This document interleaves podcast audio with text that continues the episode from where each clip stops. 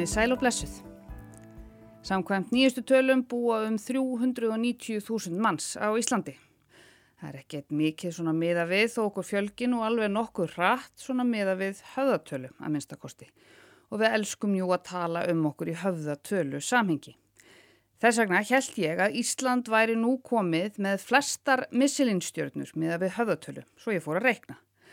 Reyndar kostiði þetta allt of, allt of langan tíma og samvinnu kollega minna og umræður um að við væri nú kannski ekki best í starffræði en við fundum þetta út á endanum. 0,77 missilinstaðir per haus á Íslandi sinnum eitthvað. Lítur að vera heimsmet. Alls, alls ekki heimsmet. Eftir allar kunstirnar fann ég auðvitað síðu á internetinu sem var búin að taka þetta allt saman saman. Luxemburg, auðvitað var það Luxemburg sem var með flestar missilinstjörnur miða við höfðatölu. Frakland er með flesta missilinstaði svona almennt, eðlilega kannski, þar sem þetta er jú franst fyrirbæri, þessi matar elskandi dekja framlegandi, en meira um það síðar. Nú skulum við tala um Ísland og hvað við erum frábær. Við státuðum okkur lengi af einum missilinstað, Dill. Svo í fyrra fengum við aðra rós í nappagatið, Óks, tveir missilinstaðir. Og svo gerist það á mánudag að þriðji staðurinn bættist við, þrýr missilinstaðir á þessu skeri. Það er nú bara helviti flott, ekkert bara miða við höfðatölu, heldur bara miða við allt. Þetta er að vísu allt saman eins stjórnum missilinstaðir og veitikastæðurinn Cox, hann hefur haldið sínum tveimur missilinstjórnum hvort sem hann er í Færium eða á Grænlandi talandum höfðatölur. En samt, þriði missilinstaðurinn okkar er veitingastaðurinn Moss í Bláalóninu og ekki nómið það heldur fengur Dill og Óks að halda sínum stjórnum. Það er nefnilega ekki hlaupið að því að halda þeim.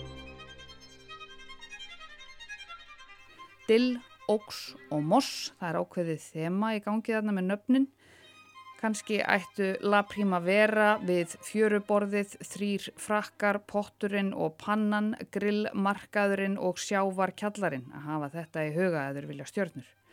En snaps, hnoss, happ, gott, kól, brút og keks ættu hins vegar að vera í góðum málum. Það er að segja ef við miðum við atkvæða fjölda í nöfnum og hvort hann skipti máli sem hann gerir líklega ekki. En nógum það. Velunaháttíð Missilín var haldinn háttíðleg í Finnlandi á mánudagskvöld þar sem Dill og Óks fengu að halda sínum stjörnum og Moss bættist við. Í umsögn domnendar segir um veitingastæðin Moss. Þessi nútímalegi veitingastæður er til húsa við Bláa Lónið, einn vinsælasta áfungastað Íslands.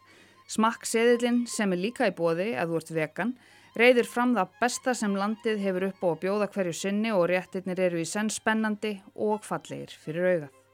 Mósagrónir steinarnir og hraunbreyðurnar sem umvefja svæðið gefa staðnum ákveðin karakter og búa til stemningu. Og svo er hægt að bóka borð við eldhúsið ef þú vilt horfa á kokkan að vinna. Agnar Sverrisson, yfir matrislumestari á Mós var í viðtali í fréttum stöðvar 2 á þriðudagskvöld að þessu tilefni. Margret Helga Erlingsdóttir, fréttamaðurstöða 2, hitti á hann við Bláa Lóni þegar hann var nýlendur á landinu eftir háttíðina í Turku í Finnlandi. Og ég trúi nú eiginlega ekki öðru heldur en að þetta hljótti nú að vera enn eitt höfðatölu meti við fræga.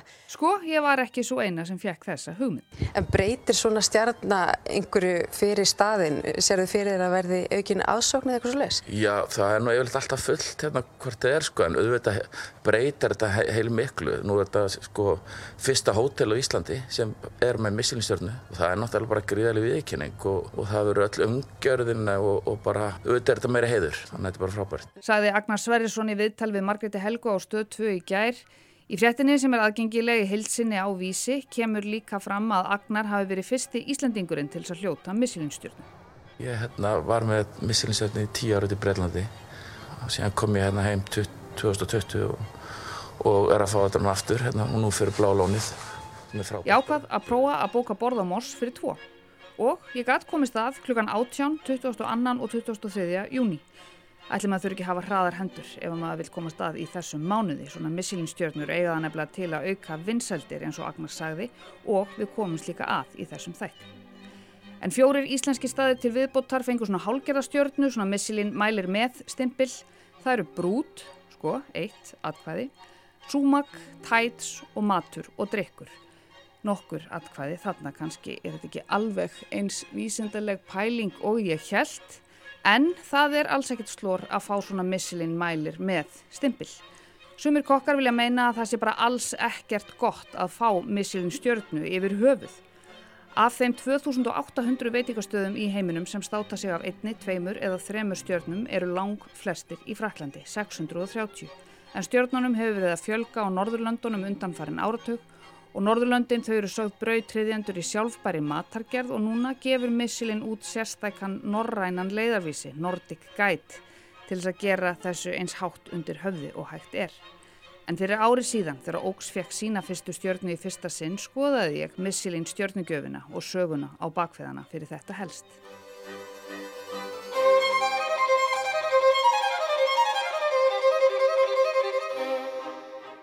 Michelin stjörnurnar eiga sér nokkuð áhugaverða sögur sem er að mörgu leiti samtfinnuð sögu bílsins.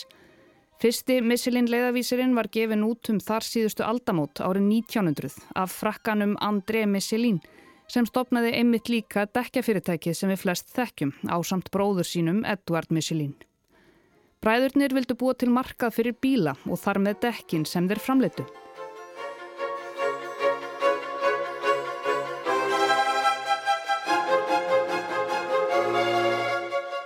Fyrsti leiðarvísirinn sem bræðurnir prentuðu í um 35.000 eintökum var líka með leiðbenningum um hvernig ætti að skiptum dekk og gera við þau. En þar var líka að finna lista af góðum veitingastöðum, hótelum, bifilaverstæðum og bensinstöðum sem var að finna með fram þjóðvegum Fraklands. Á þessum tíma voru bara nokkur hundruð bílar í landinu öllu en bæklingarnir áttu að hvetja fólk til þess að ferðast um landið og borða góðan mat og þannig búað til markaðsþörf fyrir bíla og þar afliðandi dekk og þetta virkaði. Á fyrsta áratögnum stækkaði Michelin-veldið út fyrir landamærin um meiland Evrópu og meira segja til Norður Afríku. Þó að veitingastæðalistinn væri sannarlega til staðar og mögulega ástæðan fyrir vinsaldunum, ekki það dekk sé ekki sjálfmerandi, þá var grundvallar forsendan fyrir þessu öllu saman að selja dekk. Fyrri heimstyrjöldin setti stryk í reikningin hjá bræðrúnum eins og líklega flestum Evrópubúum á þeim tíma og útgáfu var hægt þarna rétt á meðan heimurinn var á heljar þröm frá 1914 til 1919 en 1920 kom bæklingurinn út aftur upp færður. Það voru engar auglýsingar, það var flottara efni og bæklingarnir voru ekki lengur ókipis heldur þurft að borga fyrir þá. Hugmyndin að Michelin stjórnunum var þarna byrjuð að fæðast.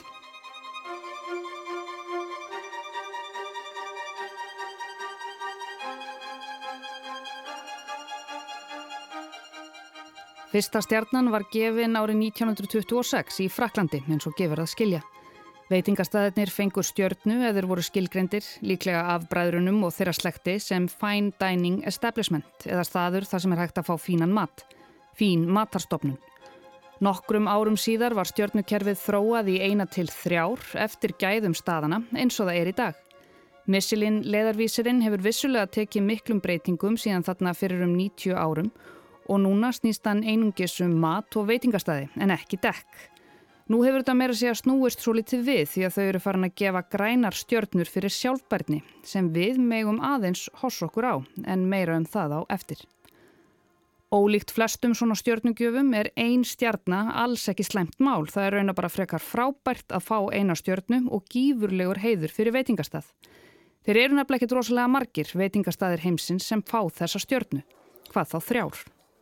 Einn stjarnar þýðir samkvæmt Michelin dómurunum að staðurinn sé mjög góður á sínu sviði, skarar fram úr.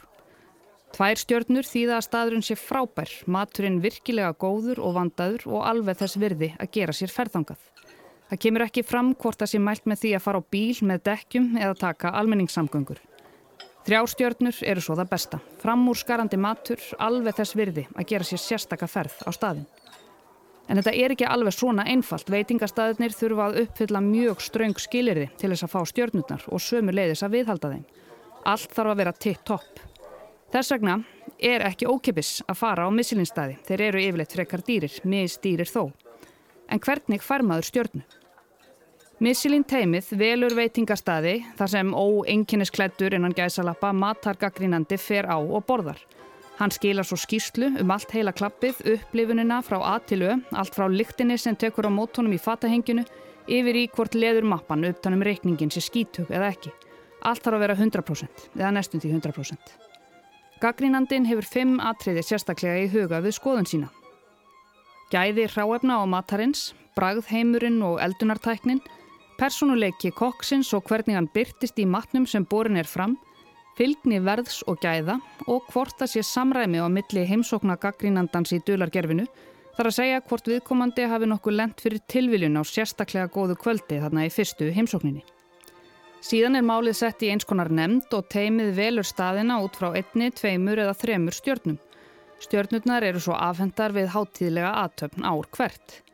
En hversu mikilvægar eru þessar Michelin-stjörnur? Nú eru um það byl 3000 veitingastæður um allan heim sem er að minnstakosti með eina Michelin-stjörnu. Lang flesta raunar í þeim flokki, eða um 2300. Það eru bara 113 veitingastæður á heimsvísu með þrjástjörnur. Og það er engum blöðum um það að fletta að það er mikil heiður að fá þessa stjörnur, viðskiptin blómstra, umfjöllun ykst og sömulegðis auðvitað pressan sem því fylgir að viðhalda stjörnunni og orðsporunu sem fjækst meðinni. Og vegna þessar pressum þá hefur það verið vaksandi tilneying í heiminum að kokkar í raun afþakka eða afneita þessum stjörnum. Þeir segja kerfið úrelt og að viðskiptavinir og starfsfólk líði í raun fyrir það. Það eru meira segja dæmi um að eigendur veitingastada fari fram á að stjarnan þeirra eða stjörnurnar verði fjarlæðar. Þeir segja væntingarnar og kröfur stjörnugjafarinnar frekar hamlandi fyrir sköpunar gleði kokkana en hvetjandi. Síðan eru það ekkit kokkarnir sem fá stjörnurnar heldur veitingastæðinni sjálfur. Sumir segja að það sé einfallega of mikið stress að viðhalda stjörnunni eða stjörnunum og það sé bara ekkit lengur gaman í vinnunni. Allt snúist um stjörnurnar en ekki matinn eða viðskiptavinnina. Þetta getur reynst fjárhagslega dýrkjeft fyrir staðina líka og reksturinn og að missa stjörnuna getur reynst mörgum mjög erfitt andlega. Gamla góða höfnunatilfinningin. En nógum það. Íslenskir veitingastæðir voru án í mjög mörg ár, raunar alveg frá því að fyrsta stjarnan var gefin út þarna á þriðja áratug síðustu aldar þar til fyrir nokkrum árum. Það er nefnilega ekki nóg að vera með rosalega marga veitingastæði á íslenskan mælikvarða eins og reynt hefur verið að sína fram á í þessum þætti. En loks tókst einum litlum stað þetta hálitamarkmið árið 2017.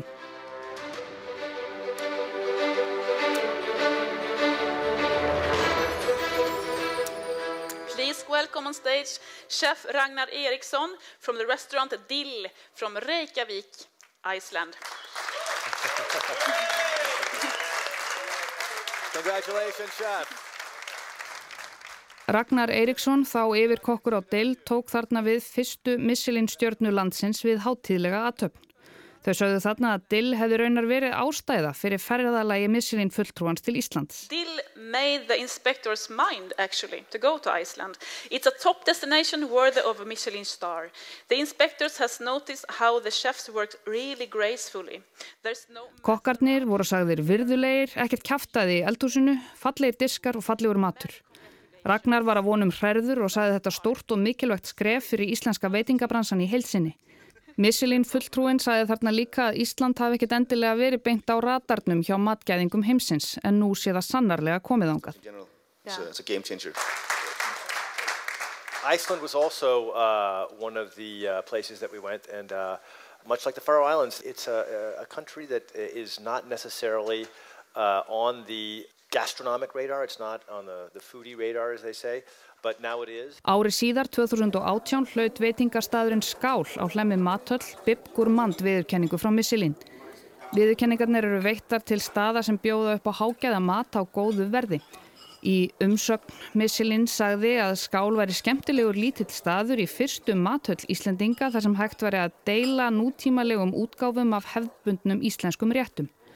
Matur og drikkur, veitingastæðurinn út á Granda sem byggir í grunninn á hefðbundinni íslenskri matargerð eins og nafnið bendir til, komst sömuleiðis á þann lista. En Dill held þó ekki lengi sinni stjörnu því í februar 2019 misti staðurinn þessa einu missilinn stjörnu landsins. En við vorum ekki lengi alveg stjörnulegst því ári síðar 2020 fekk staðurinn viðurkenninguna á ný.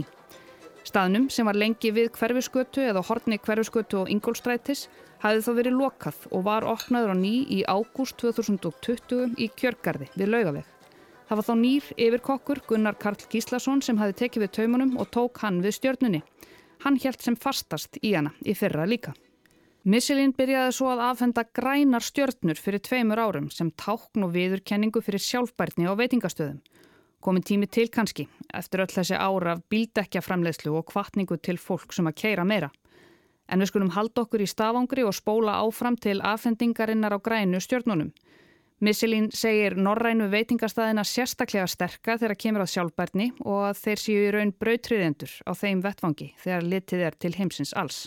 The chefs of the Nordics countries have always had a very strong philosophy Norrænir kokkar hafa alltaf sett sjálfbærtni í forgrunn og unnið vel eftir þeirri lífsbeki. Með því að vinna með hráefni úr heimabygð, minka kólefnisfótsporið og umfram allt að sína viðskiptavinum sínum fram á að hugtakið að fara út að borða sé margskonar.